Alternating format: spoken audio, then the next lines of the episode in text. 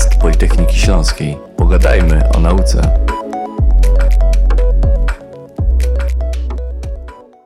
Dzień dobry, witam wszystkich serdecznie, słuchaczy podcastu Politechniki Śląskiej. Ja nazywam się Anna Świderska i zaprosiłam dziś do rozmowy dwoje naukowców z Wydziału Mechanicznego Technologicznego, panią doktor inżynier Małgorzatę Muzalewską i pana profesora Marka Wyleżała. Dzień dobry, witam państwa serdecznie. Witamy serdecznie. Dzień dobry.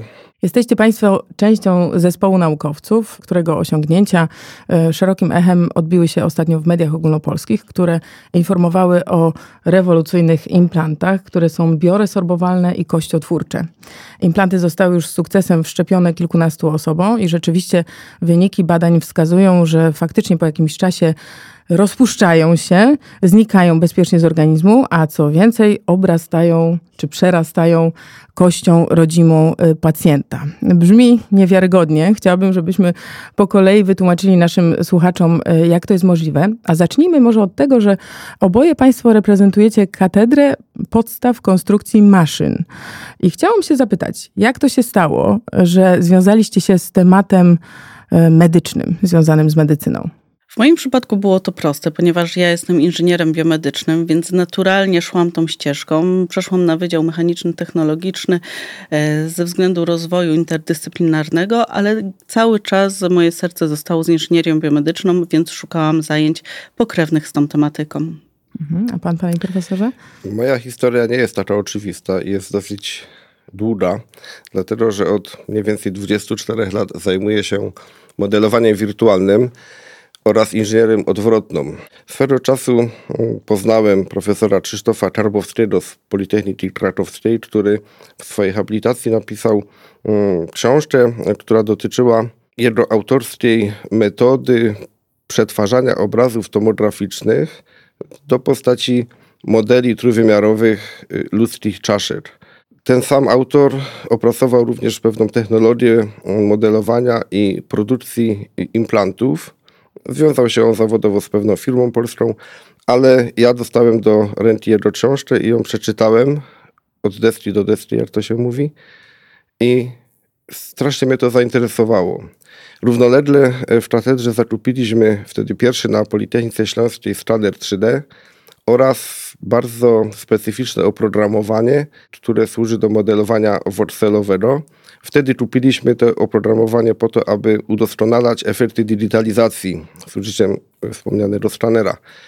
Szybko do mnie dotarło, że to oprogramowanie ma dużo większy potencjał. Szybko skojarzyłem to sobie z tym, co e, Krzysiek zrobił i poprosiłem go, aby wysłał mi, jeśli to możliwe, model e, czaszki, którą pokazywał w swojej książce. E, ten model dostałem i był to pierwszy model trójwymiarowy ludzkiej czaszki, mogłem oglądać i był to model prawdziwego, żywego człowieka, mimo że po wypadku. Ta czaszka miała bardzo duży ubytek kości i od tego momentu moim celem stało się to, aby spróbować z użyciem oprogramowania, które mam, zamodelować implant, który by pasował do tej czaszki. Wcześniej tego nigdy nie robiłem, ale miałem poczucie, że to oprogramowanie, którym dysponuję, do tego dobrze się powinno nadawać. Czy że ma takie możliwości, żeby stworzyć taki model, który bardzo wiernie odwzoruje tak. ludzką czaszkę, tak? Tak. I okazało się, że jest to nadzwyczaj proste. Oczywiście po wielu próbach, po tych y, wielu próbach doszedłem do takiej wprawy, że taki model implantu potrafiłem wykonać w niecałe dwie godziny. Niestety to moje zainteresowanie mm, prawdopodobnie by umarło śmiercią naturalną, dlatego że obracałem się w kręgu głównie inżynierów mechaników, których akurat ta strona modelowania nie za bardzo pociągała, a mnie już bardzo wciągnęła. No i wtedy w katedrze pojawiła się nowa doktorantka e, Małgosia, która wniosła ze sobą ogromny potencjał wiedzy dotyczący inżynierii biomedycznej i nagle się okazało, że e, otrzymałem merytoryczną pomoc wręcz w dalszym działaniu. Dlatego, że szybko zrozumiałem, że sama wiedza dotycząca modelowania nie wystarczy. Tu jest jeszcze potrzebna właśnie ta wiedza o człowieku, aerofizjologii i, i tak dalej. Czyli u Pana się zaczęło jakby od hobby. Można powiedzieć, że hobbystycznie rozwijał Pan swoje umiejętności związane z tym modelowaniem. To było moje wewnętrzne zainteresowanie, pewna pochodna w ogóle modelowania wirtualnego, którym się y, y, zajmowałem skierowały się to na takie nieoczywiste ścieżki. Mhm. To opowiedzcie Państwo w takim razie, jak to się stało, że staliście się częścią tego y, zespołu? Z firmą Symplant, z Marcinem Wątrobińskim pracowaliśmy już kilkanaście lat temu zaczynaliśmy już e, tematy związane właśnie z materiałami resorbowalnymi, kościotwórczymi. Później był lekki przestój na badania, które były e, po drodze robione w innych jednostkach i jakiś czas temu wróciliśmy już z gotowym e, produktem i mm, trzeba było zacząć projektować struktury anatomiczne i do nich dopasowywać implanty. Mhm, ale rozumiem, że e, firma zainicjowała jakiś projekt badawczy, czy też zaprosiła was po prostu do współpracy po raz kolejny, dostała, otrzymała jakiś grant. Tak, tak to wyglądało, tak? Firma pozyskała grant z Narodowego Centrum Badań i Rozwoju i ten grant był na tyle rozbudowany tematycznie, że mm, potrzebni byli ludzie do jego wykonania. A więc szef firmy Centplan jakby naturalnie y, zwrócił się do nas, y, abyśmy do tego y, grantu przystąpili, ale potrzebni byli też inni ludzie, których pozyskał no, głównie z Politechniki Poznańskiej. No i utworzyliśmy pewien zespół, który ten grant od początku do końca e, realizował. Proszę powiedzieć zatem, e, jaka była Państwa e, rola w tym projekcie? To może pani doktor Małgorzata Muzalewska rozpocznie, bo wiem, że to jakby praca zaczynała się od Pani. Tak, e, praca musi się zacząć z, od kontaktu z lekarzem, który ma pacjenta. Pacjentowi jest wykonywane obrazowanie medyczne. Najczęściej pracujemy na tomografii komputerowej, ponieważ pracujemy na tkankach twardych, e, czyli kościach.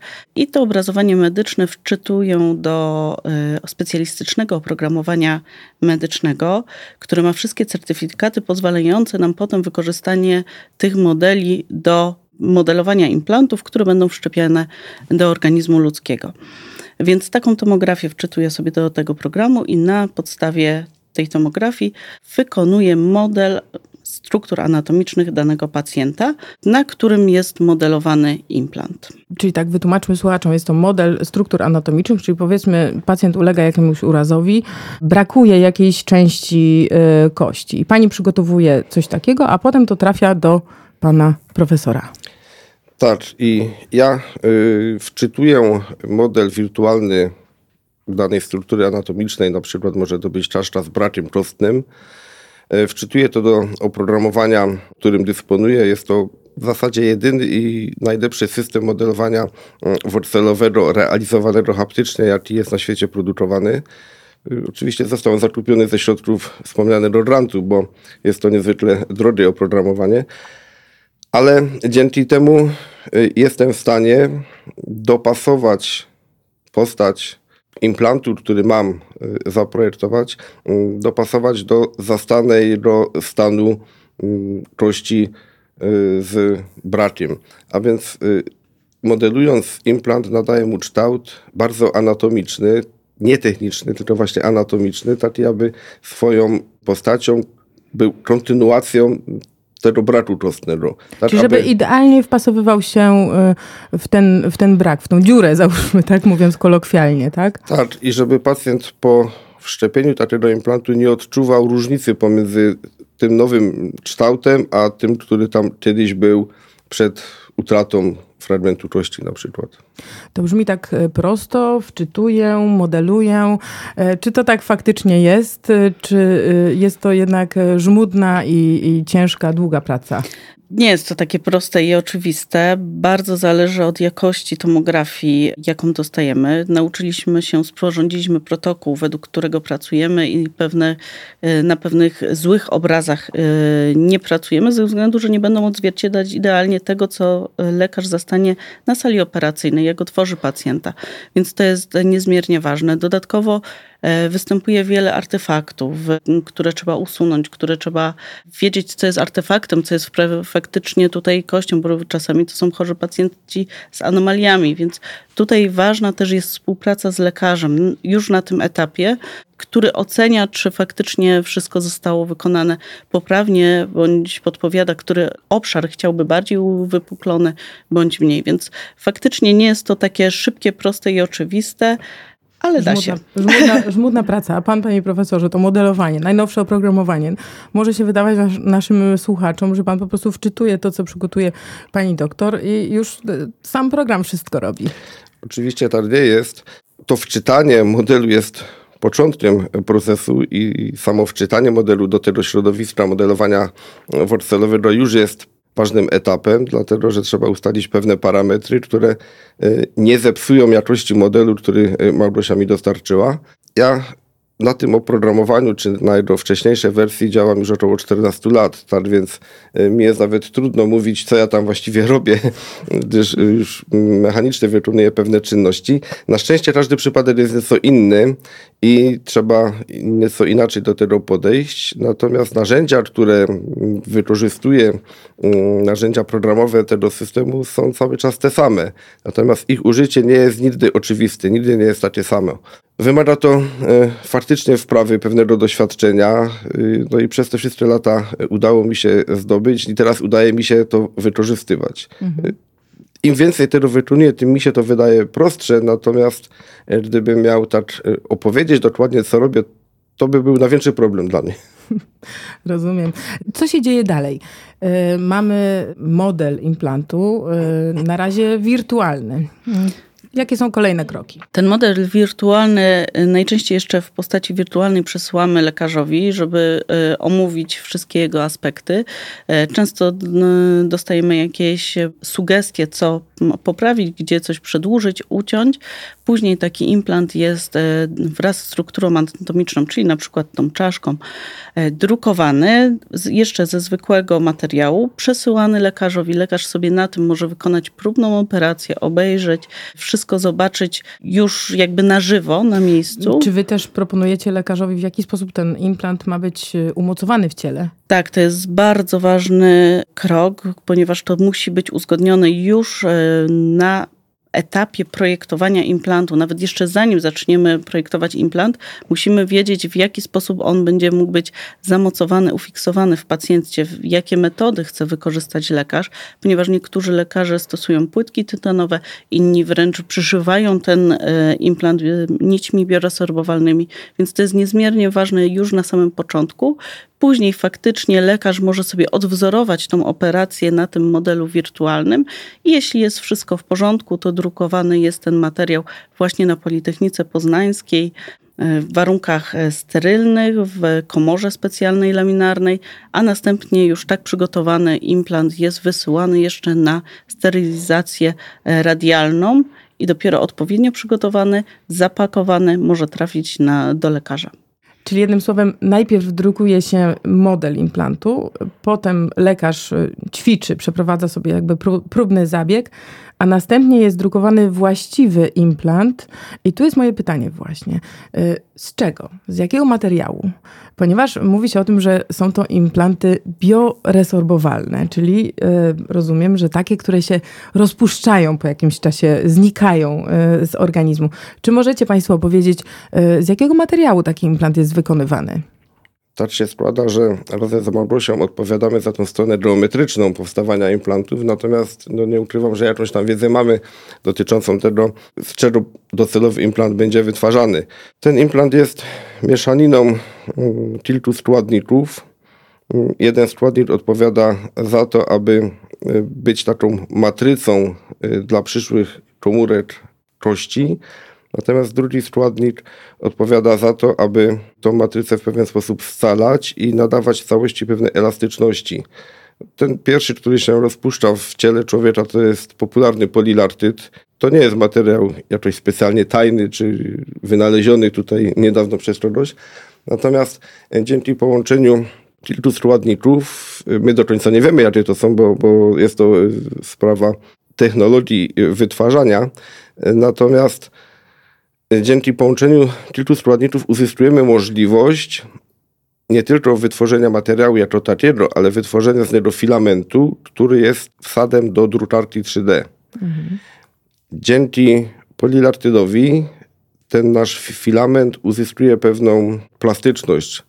On nie jest tak łamliwy, gdyby był wykonywany wyłącznie z tworzywa, którym jest hydroksyapatyt, czyli nasz budulec czności.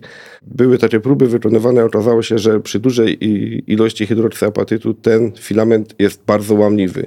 Dzięki obecności polilartydu, który jest bardziej y, tutaj elastyczny i plastyczny, ten filament y, posiada docelowe własności, które powodują, że y, może być stosowany w drukarkach, a poza tym całe to tworzywo jest tworzywem termoplastycznym, co jest wręcz podstawą do tego, aby móc być przetwarzany przez drukarkę 3D. I to jest nasza, y, od razu powiem, ogromna przewaga w stosunku do, do wielu innych firm, które działają na świecie i do wielu ośrodków badawczych, które często kończą swoją pracę na otrzymaniu jakiegoś tworzywa. To tworzywo jest wspaniałe, jest przebadane, ale jest nietechnologiczne. Czyli nie da się z niego wytworzyć e, danej rzeczy. Tutaj tak. nowatorstwo tych implantów polega e, też na tym, czy dobrze to rozumiem, że da się je łatwo e, wytworzyć. Tak, reasumując tą wypowiedź, czyli mamy kompozyt polilaktydu z domieszkami e, osteindukcyjnymi, czyli te materiały pobudzają nasze komórki kościotwórcze do tego, żeby się rozmnażały na tym na materiale. E, no i to, że możemy z tego materiału wytworzyć ten filament i wydrukować na drukarkach 3D, e, przyspiesza znacznie ten proces i to całościowe podejście nasze jest właśnie tą taką innowacją w naszym projekcie. Proszę sobie jeszcze wyobrazić, że część y, naszego implantu, która jest wykonana z polilartydu, ulega rozpuszczeniu w organizmie. Jest to naturalna reakcja. Właśnie po to, aby udostępnić miejsce na komórki rodzime, które się tam zaczynają namnażać. Powoduje to efekt niezwykły. Powoduje to efekt taki, że po kilkunastu miesiącach tego implantu już w człowieku nie ma, ale jest rodzima kość. Jest to ogromna przewaga w stosunku do wszelkich implantów stałych Tytanowych. Takich. Na, na przykład mhm. tytanowych lub tworzyw sztucznych nieresorbowalnych, które do końca życia w tym miejscu zostają. I pacjent do końca życia chodzi z ciałem obcym y, w sobie. W naszym przypadku po tych kilkunastu miesiącach zapomni o tym, że miał wszczepiony implant. A w miejsce w tym, w którym był implant, powinna być tkanka kostna już pacjenta, jego rodzima naturalna. Czyli po prostu pojawia się tam kość tak. która normalnie by nie odrosła w taki sposób. Dokładnie tak. E, proszę powiedzieć, tak jak wspomniałam na początku, implanty zostały już wszczepione z sukcesem kilkunastu osobom. Czy pamiętacie Państwo ten e, pierwszy e, zabieg i jakie towarzyszyły emocje temu?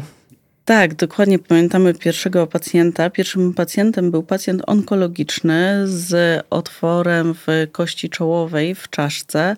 E, tutaj współpracowaliśmy z mm, dr Moniką Rutkowską, profesorem Czapigą, którzy właśnie zgłosili się do, do firmy z takim problemem, że no, ma pacjent kolokwialnie mówiąc, dziurę w głowie. Jest ona na razie no, zalana cementem, no ale dobrze by było coś z tym zrobić.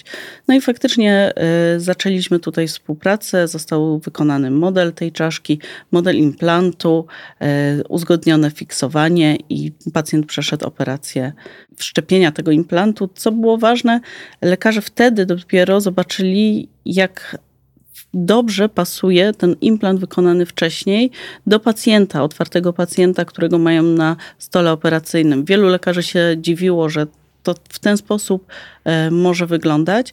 I co jest bardzo ważne, przede wszystkim taka operacja z przygotowanym wcześniej implantem, który idealnie pasuje jak puzzle do struktury anatomicznej ubytków w tej strukturze, znacznie przyspiesza zabiegi operacyjne, co ma ogromne znaczenie i ze względu na czas e, którym jest pacjent podczas narkozy czy znieczulenia, utratę krwi, samą wynajęcie sali operacyjnej, praca lekarzy, znacznie się zmniejsza ten czas e, operacji. W pewnym momencie doszło do e, współpracy z jednym z największych, czy też największym szpitalem dziecięcym w Ukrainie. I to też jakby otworzyło nowy rozdział w, w waszej współpracy. Proszę opowiedzcie, jak, to, e, jak doszło do tej współpracy? Jak to się stało, że ten szpital się skontaktował z wami? Może zanim jeszcze szpital w Ukrainie, mieliśmy oprócz tego pacjenta wiele innych przypadków w Polsce w obrębie e, twarzoczaszki. Tutaj szczególnie pracowaliśmy z Maciejem Stagraczyńskim i Michałem Mikulskim i zdobywaliśmy już to doświadczenie, widzieliśmy jak działają nasze implanty. Było to pokazywane już w sieci i wtedy zgłosił się do nas e, szpital z Ukrainy, ponieważ no, warunki, w jakich zaczęli pracować, e, w momenty, kiedy musieli schodzić do schronów, operacje długie, zaplanowane, raczej były przekładane na nie wszyscy mogli czekać. I szukali rozwiązania, które właśnie pozwoliłoby przyspieszyć znacznie e, ten czas operacji, a dodatkowo mm, zniwelować problem, tak? Zakleić tutaj akurat e, dziury w czaszkach. No więc tutaj zgłosił się do nas ordynator e, szpitala w Ukrainie i zaproponował e, kilku pacjentów, dla których byśmy mogli coś wykonać. Wszyscy pacjenci byli pacjentami pediatrycznymi, czyli były to dzieci między, w wieku między od 4 do 8 lat. E, no i zaproponowaliśmy pierwszy implant. E, co jest bardzo ważne w planowaniu implantu dla dzieci, to to, że dziecko rośnie, szczególnie na przykład czterolatek, jego czaszka rośnie, więc tu wstawienie mm, implantu tytanowego nie sprawdzi się, bo nie tylko ten implant nie będzie rosnął z czaszką, ale zniekształci tą czaszkę. Tutaj e, zaproponowaliśmy taki implant o specjalnej postaci geometrycznej, która będzie mogła zmieniać się, czyli kolokwialnie mówiąc, rosnąć wraz z pacjentem w czasie, w którym ten implant będzie, tak? Bo nie zapominajmy, że on po kilkunastu miesiącach powinien się całkowicie rozpuścić i w tym miejscu powinna być kość e, pacjenta. Powiedzmy jeszcze może dwa słowa na temat y, małego pacjenta, waszego pierwszego małego pacjenta, bo rozumiem, że wcześniejsi pacjenci to były osoby raczej y, dorosłe. Y, rozumiem, że lekarze z Ukrainy szukali rozwiązań ze względu na czas, w którym się znajdują, czyli na wojnę w Ukrainie. Jaki był ten przypadek? Rozumiem, że to było dziecko, które uległo jakiemuś wypadkowi, tak? E, było to dziecko z, po wypadku z bardzo dużym brakiem kostnym. E, nas to przeraziło, gdy zobaczyliśmy tomografię czaszki tego dziecka. Właśnie, musimy to opisać, ponieważ nasi słuchacze e, nie widzą modelu tej struktury anatomicznej tego dziecka, ani tego implantu, bo to wyglądało jakby brakowało jednej trzeciej kości czaszki. Dla nas w ogóle szokiem było to, że w warunkach wojennych, w strasznych warunkach w ogóle wykonuje się tego typu mm, diagnostykę. Dostaliśmy bardzo dobrej jakości tomografię komputerową, za pomocą której Rosia bardzo szybko otrzymała bardzo dobrej jakości model czaszki. No było to dla nas dosyć przerażające, bo ten ubytek kostny był bardzo duży, dziecko bardzo małe. W ogóle bardzo emocjonalnie do tego podeszliśmy. No nie ma co ukrywać, jesteśmy też rodzicami, mamy własne dzieci i możliwość pomocy y, innemu dziecku jeszcze w takiej sytuacji, no to jest coś naprawdę ważnego. Trochę nam się ręce trzęsły, zabierając się do roboty. No, ale bardzo szybko sobie zdaliśmy sprawę z tego, że no, musimy zrobić coś innego. Tak jak wcześniej Rosia powiedziała, ten nasz implant nie mógł być y, takim, jaki wcześniej wszczepialiśmy. I tutaj dużo y, swojego myślenia poświęciliśmy y, na to, aby nadać mu taką postać konstrukcyjną, która umożliwi przynajmniej w tym pierwszym okresie po wszczepieniu uniknięcie dodatkowych naprężeń pomiędzy implantem a rosnącą czaszką sama postać konstrukcyjna implantu okazała się na tyle mm, innowacyjna, że zgłosiliśmy to jako wniosek patentowy do Urzędu Patentowego Rzeczpospolitej i czekamy na jej rozstrzygnięcie. Tak więc ten, przy okazji y, tych zabiegów udało nam się coś nowego opatentować, czy zgłosić do, do patentowania. Czyli powstał, mm, powstała zupełnie nowa postać konstrukcyjna implantu i z naszej wiedzy wynika, że w ten sposób nikt y, do tego jeszcze na świecie nie podszedł. Odbyły się w sumie y, trzy takie zabiegi. Ten pierwszy był udany, one się odbyły już jakiś czas temu. Wiem, że szpital ze względu na dobro tych y, pacjentów nie informował o tym wcześniej publicznie. Czy macie wiedzę, e, w jakim stanie są obecnie e, ci mali pacjenci, po jakimś czasie już od tego zabiegu? Czy jesteście w tak. kontakcie z lekarzami? Tak, jesteśmy cały czas w kontakcie. E, wszystkie zabiegi się udały. Tam również byli zaskoczeni lekarze, jak dobrze pasuje ten implant w, do czaszki tych dzieci. Tam właśnie przyszyli nićmi resorbowalnymi, więc ten pacjent faktycznie nie będzie miał śladu po tym, że była operacja wykonywana, że coś zostało, czy wkręty tytanowe, czy blaszki, więc tutaj jest e, bardzo fajnie wykonana, e, wykonane te zabiegi. Pacjenci wszyscy czuli się bardzo dobrze, bardzo dobrze się goili, bardzo dobrze rekonwalescencja przebiegała. Rodzice tych pacjentów byli bardzo zadowoleni, co jest dla nas też ogromną taką satysfakcją. E, mamy tomografie kontrolne tych pacjentów. We wszystkich e, przypadkach, w różnych okresach były robione, ale nawet już po czterech miesiącach było widać, że coś się zaczyna dziać. Coś, czyli narastanie tkanki kostnej tych e, pacjentów. Więc we wszystkich przypadkach ta tkanka kostna przerastała ten implant, zaczynało się tam tworzyć już wręcz obszary kostne własnego pacjenta. Czekamy teraz na kolejne tomografie, ale mamy wiedzę, że dalej wszystko jest w porządku, tylko czekamy na teraz badanie obrazowania e, medycznego. Nie wszystkie dzieci są w stolicy, są porozsiewane po Ukrainie, więc nie jest też tak łatwo wszystkich sprowadzić w jednym czasie na, na badania. Rozumiem, że to widać w obrazowaniu. Czy widać też, że ten e, implant e, powoli e, resorbuje, czyli, czyli zanika? W obrazowaniu widać, jednak on, implant do samego końca utrzymuje swoją E, sztywność, swoją tą postać, nie gubi tej postaci geometrycznej, czyli nie zapada się gdzieś w jakichś obszarach, e, więc lekarz pod skórą, bo tu mamy cieniutką skórę, wyczuwa go dalej i jest zachwycony efektem tym, który w tej, takim e, badaniu w gabinecie e, wykonuje. Czyli ten implant jest jakby, stanowi takie rusztowanie, można tak powiedzieć? Y, nawet powiem, że lekarze byli zdziwieni takim zachowaniem się implantu, dlatego że w ich wyobrażeniu on powinien podczas y, przerastania kością powinien mięknąć się rozpuszczać, a więc w ich y, wyobrażeniu, jeżeli się coś rozpuszcza, to znaczy, że mięknie zanika gdzieś, ale dzięki temu, że w tym samym czasie narasta już szczość rodzima, on zachowuje swoją y, sztywność i ta sztywność jest przez cały y, czas taka sama, czyli y, no, wnętrze czaszki jest cały czas tak samo chronione. Proszę powiedzieć jeszcze, w jakich innych dziedzinach y, medycyny mogą być stosowane, czy też są stosowane y, wasze implanty? Wymieniliśmy tutaj właśnie neurochirurgię, chirurgię twarzowo-szczękową, stomatologiczną, ale także z profesorem Fickiem weszliśmy w ortopedię i tutaj również ortopedyczne były e, zabiegi wykonywane.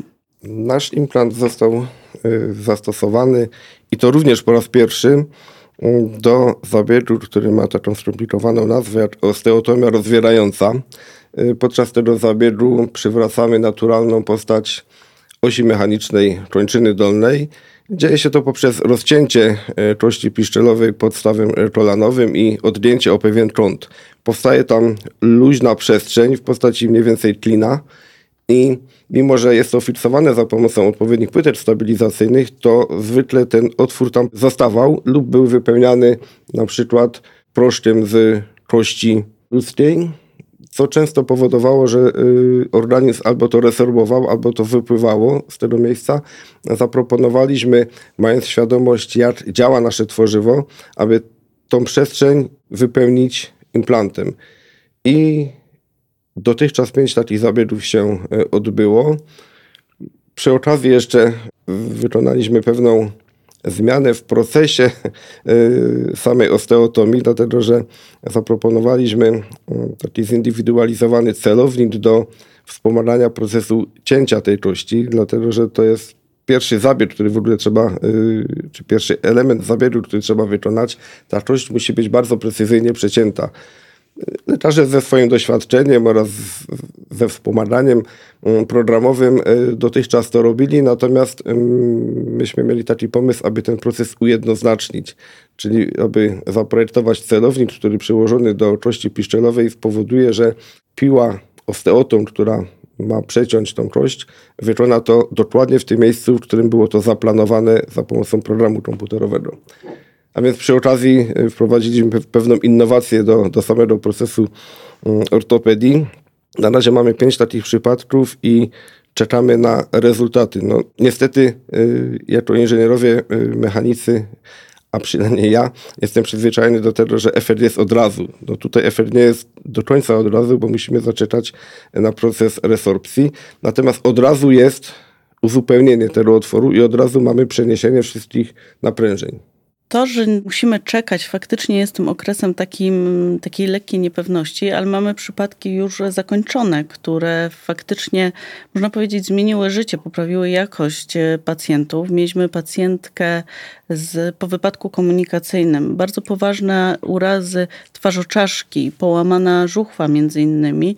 Ona oczywiście w tej operacji takiej ratującej życie była poskładana płytkami tytanowymi, ale w to miejsce nie dało się wkręcić pod implanty zębowe. Można powiedzieć, pani młodej kobiecie brakowało tutaj uzębienia, kości, w którą można by było to zainstalować. No i tam zastosowaliśmy nasz implant. Ta kość e, zrosła się.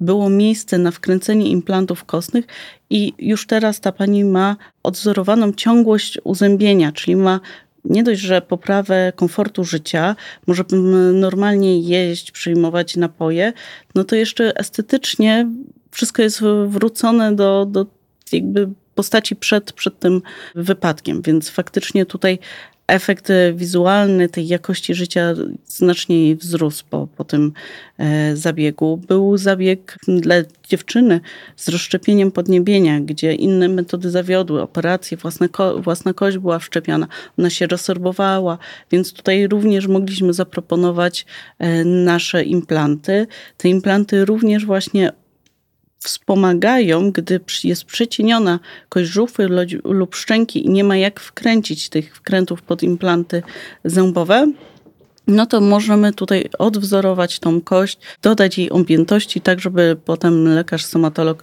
mógł dalej działać. Więc tutaj tych obszarów jest dużo, w jakich jeszcze możemy pracować. Wszędzie tam, gdzie mamy kość twardą, możemy e, zastosować nasze implanty. Dodatkowo e, nasi współpracownicy z Politechniki Poznańskiej, e, Monika Dobrzyńska-Mizera, Monika Kniter, e, Jacek Andrzejewski, robią hydrożele, czyli takie bardzo podobna własność materiału, zamknięta w szczykawce. Ten materiał możemy wszczepić pacjentowi bez otwierania go.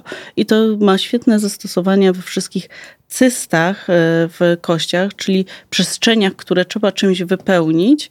No i to świetnie się do tego nadaje, więc profil naszej działalności zdecydowanie się rozszerza te wymienione osoby rozumiem, że to są naukowcy z Politechniki Poznańskiej, którzy y, są autorami y, tego materiału, z którego są wykonywane wasze bioresorbowalne implanty. Tak? tak, Moniki są tutaj, y, pracują w tym momencie nad materiałem.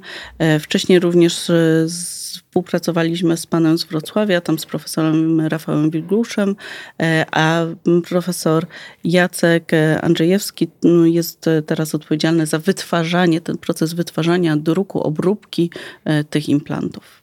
Każdy przypadek jest inny. Te historie są fascynujące. Sposób, w jaki pomagacie ludziom y, również. Ale ja chciałam jeszcze dopytać o jedną rzecz, ponieważ widziałam na fotografiach, że jesteście obecni podczas zabiegów. I to chyba nie jest y, typowe, przynajmniej nie w Polsce, żeby inżynierowie byli obecni podczas y, operacji. Opiszcie proszę swoje doświadczenia z tak bliskiej współpracy z lekarzami, z chirurgami. Tutaj bardzo się cieszymy, że udało się to przeprowadzić, ponieważ bardzo nam zależało na tym z dwóch powodów. Pierwszym powodem przede wszystkim jest sposób fiksacji tych implantów. Oczywiście to jest zaplanowane, tak jak wspomniałam wcześniej, ale podczas operacji zawsze może się coś wydarzyć. I jesteśmy tam, żeby wspomóc lekarza w ewentualnej zmianie fiksacji, czyli zamocowania tych implantów. To jest jedna rzecz, a druga rzecz to jest zbieranie doświadczenia do kolejnego modelowania kolejnych implantów. Więc e, widząc, będąc na sali operacyjnej, widząc jak to wygląda, zdobywamy duże doświadczenie, poszerzają się nasze, nasze wyobrażenia o tym, co tam się dzieje, ponieważ my na obrazie, na monitorze widzimy tylko tkankę kostną a podczas operacji jest masa tkanek miękkich, których my wcześniej nie, nie widzimy, więc naprawdę musimy o tym myśleć już na etapie modelowania, stąd zbieranie doświadczenia jest ogromnie cenne. Jeszcze co jest ważne, My na monitorze możemy sobie o ten model obracać ze wszystkich stron, patrzeć na niego jak tylko chcemy sobie go e, ustawić, a podczas zabiegu operacyjnego mamy jedno pole operacyjne. Najczęściej e, jest jedno cięcie i my musimy już planując zabieg, dostosować się do tego jednego cięcia, tak żeby dało się włożyć ten implant, zamocować. Tutaj mówiliśmy o salach operacyjnych, ale to nie tylko musi być na sali operacyjnej w pełnej narkozie wykonywany ten zabieg, ale te wszystkie stomatologiczne w chirurgii twarzowo-szczękowej operacje, zabiegi były wykonywane w gabinetach stomatologicznych, w takich, do których wchodzimy e, jako zwykli pacjenci dentystyczni. To musi być chyba niesamowite doświadczenie dla inżyniera mechanika być obecnym podczas takiego zabiegu. Trzeba zachować e, nerwy, panie profesorze? Jeśli chodzi o stronę nerwów, to w zasadzie nie, dlatego że istotę zabiegu y, poznajemy w tej sferze wirtualnej. E, może to dziwnie zabrzmi, ale znamy tych swoich pacjentów od wewnątrz bardzo szczegółowo, może bardziej niż oni sami siebie. Natomiast ta cała reszta jest dla nas faktycznie nowością. E, musieliśmy się zapoznać z całą procedurą, nawet wejścia na salę operacyjną, kwestia przebrania się, kwestia tego, gdzie w ogóle można stać w czasie y, operacji. Są pewne strefy zabronione, pewnych obiektów, gdzie wolno dotykać w żaden sposób.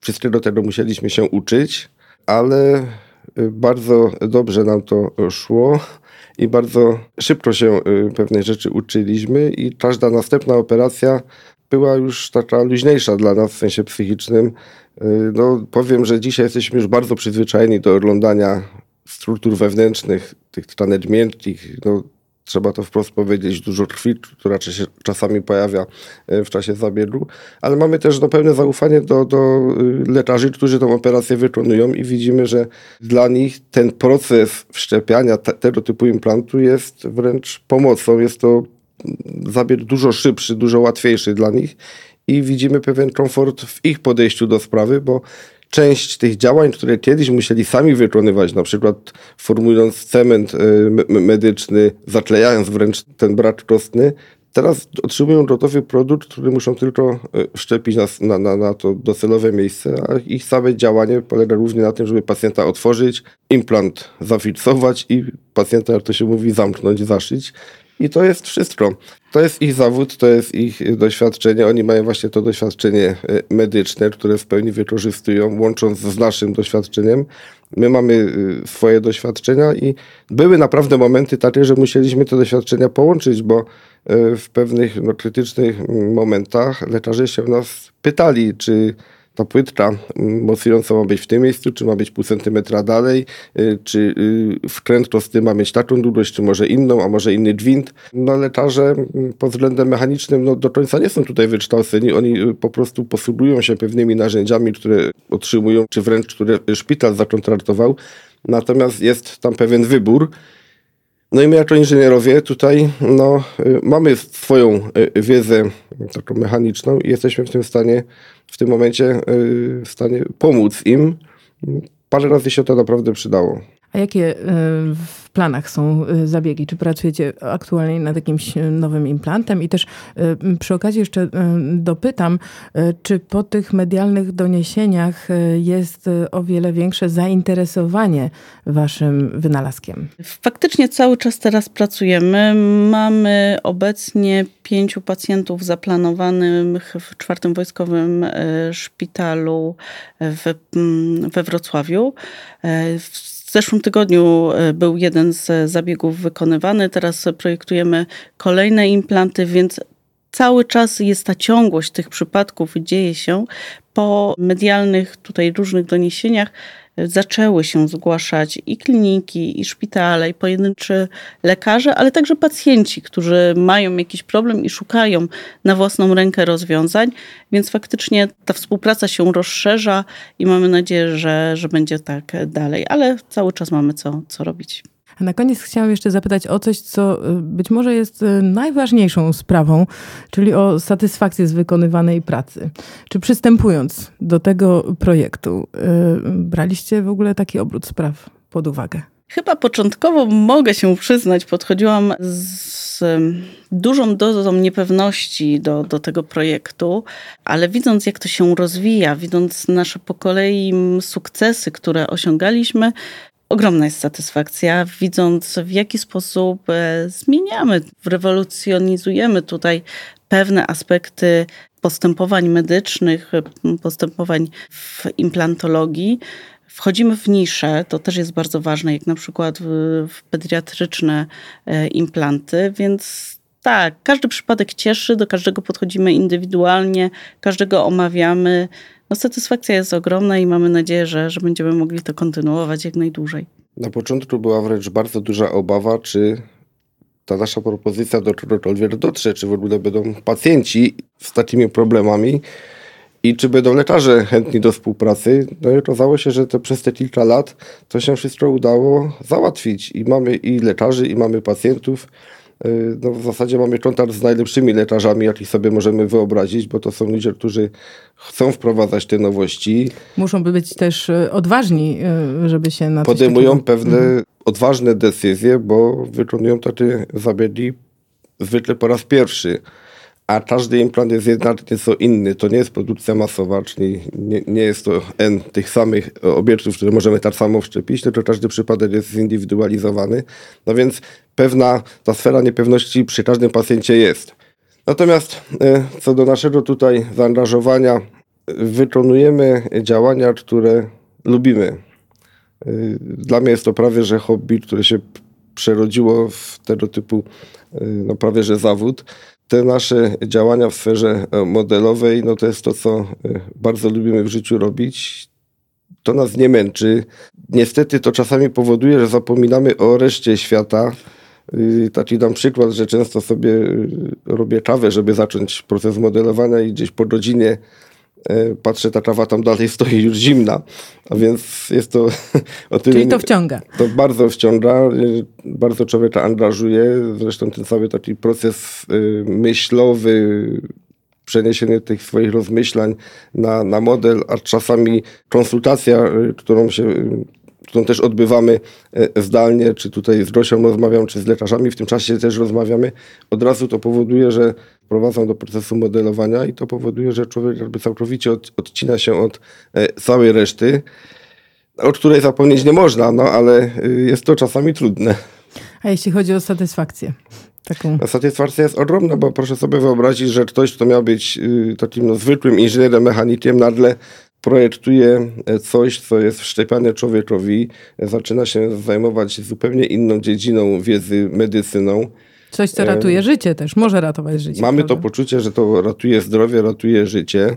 No więc w stosunku do inżynierów, którzy projektują śrubki, podkładki, nakrętki, inne elementy typowo mechaniczne, od których niekoniecznie zależy życie człowieka, no to my jesteśmy w zupełnie innym miejscu i tą naszą wiedzę, którą tam jakoś nabyliśmy, możemy w zupełnie innej dziedzinie e, stosować. Jest to niezwykła satysfakcja, niezwykłe przeżycie. Zawsze mówiłem, że nauka powinna służyć człowiekowi i tu się udało to w pełni zastosować. Serdecznie gratuluję tego sukcesu. Życzę wielu e, kolejnych. A jeszcze chciałabym dodać, że proszę jeszcze, pani chciała coś dodać. Proszę bardzo. Chciałam podsumować tak, co robimy, czym się zajmujemy, że te nasze implanty są właśnie bioresorbowalne, kościotwórcze, i spersonalizowane i to jest takie clue naszego działania. Bioresorbowalne, czyli nam się rozpuszczają w ciele człowieka, kościotwórcze, czyli narastają tkanką, przerastają tkanką kostną e, człowieka. No i personalizowane, czyli jeden implant pasuje tylko do tego jednego ubytku kostnego danego pacjenta. I jeszcze może rosnąć razem z pacjentem. I jeszcze pozwala na prawidłowy wzrost e, danego pacjenta. I jeszcze dodam, że pacjent ma to poczucie, że robimy, cały zespół ludzi pracuje dla tego jednego człowieka. Nie jest to rzecz oczywista, nie jest to tak, że zamawiamy z półki jakiś element i to sobie wszczepiamy. Ten pacjent ma świadomość, że cały zespół ludzi pracuje tylko dla niego i no, jest to chyba fajne z jego punktu widzenia. Myślę, że z każdego punktu widzenia, myślę, że lekarze też mogliby tutaj wiele od siebie e, dodać. E, jeszcze raz gratuluję tego niesamowitego sukcesu, a słuchaczy odsyłam do najnowszego biuletynu Politechniki Śląskiej, gdzie ukazał się artykuł na temat implantów właśnie i na Państwa temat. Także tam można też zobaczyć zdjęcia, bo ciężko być może sobie wyobrazić, słuchając rozmowy, jak implanty wyglądają. Jak również odsyłam do kanału YouTube Politechniki Śląskiej, gdzie lada moment ukaże się film. A Państwu jeszcze raz serdecznie dziękuję. Moimi gośćmi byli pani doktor inżynier Małgorzata Muzalewska i pan profesor Marek Wyleżał. Dziękujemy bardzo. Dziękujemy.